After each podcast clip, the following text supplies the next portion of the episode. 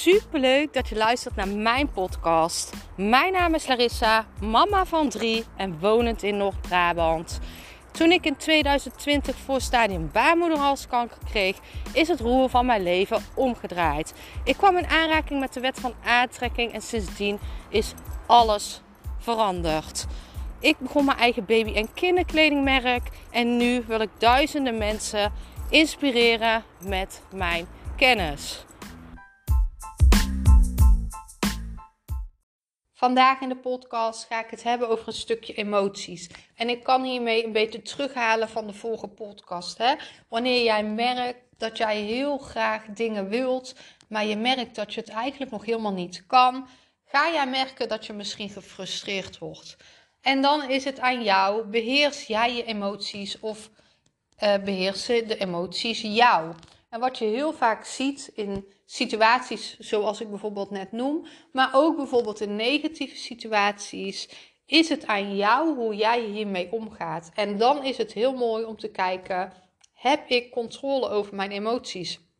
Jij hebt altijd zelf de controle over jouw emoties. Um, niemand kan jou laten wankelen. Jij hebt zelf de verantwoordelijkheid over hoe jij met dingen omgaat. En dit kan zijn in jezelf, maar ook inderdaad met externe situaties of hoe mensen tegen jou doen. Het ligt altijd dan bij jou hoe jij hierop reageert en of jij die emoties die een ander bij jou legt, jou laten wankelen. En ik had een heel mooi voorbeeld in een gesprek en zij vertelde mij die zit zo in mijn energie. En dan is het aan jou, ga ik dat toelaten? Jij bent verantwoordelijk over je eigen energie, niemand anders.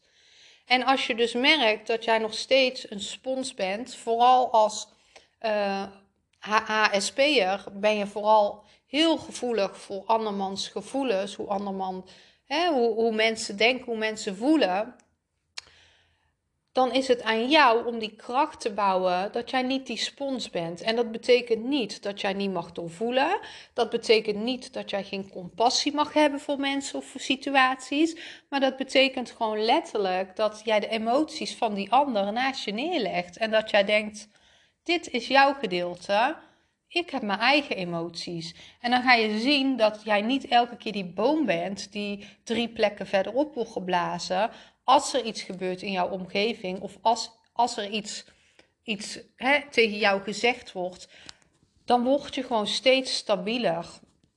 En we willen niet die onstabiliteit in ons leven als HSP'er.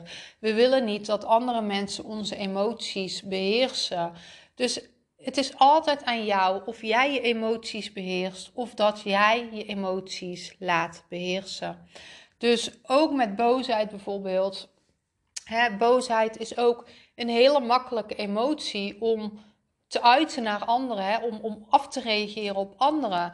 Maar dat is niet eerlijk, want omdat jij boos bent, hoef je niet boos te gaan doen tegen een ander. Nee, doorvoel waarom ben ik boos. Vaak is het dat je boos bent op jezelf. Want iedereen is een spiegel van jouw lat, van jouw standaard. Dus als iemand anders zo met jou omgaat, betekent dat jij geen grens hebt aangegeven waarschijnlijk. Of dat jij uh, jouw standaard te laag hebt gelegd. Hè? Het is nooit, we mogen ook nooit die schuld per se bij een ander leggen. We mogen altijd gewoon zelf onszelf aankijken. Eerlijk kijken naar onszelf. Doorvoelen, oké, nou ja, misschien heb ik dit dan zelf gecreëerd. En daarna kan je het doorvoelen en loslaten. Dus kijk eens, ben ik degene die mijn emoties beheerst of beheersen de emoties mij nog wel eens? Ik ben super benieuwd naar jou. Let me know.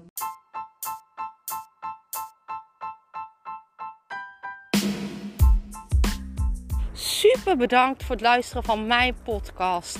Ik zou nog één dingetje van je willen vragen en dat is: zou je alsjeblieft deze podcast willen delen in je Instagram story en mij een beoordeling willen geven?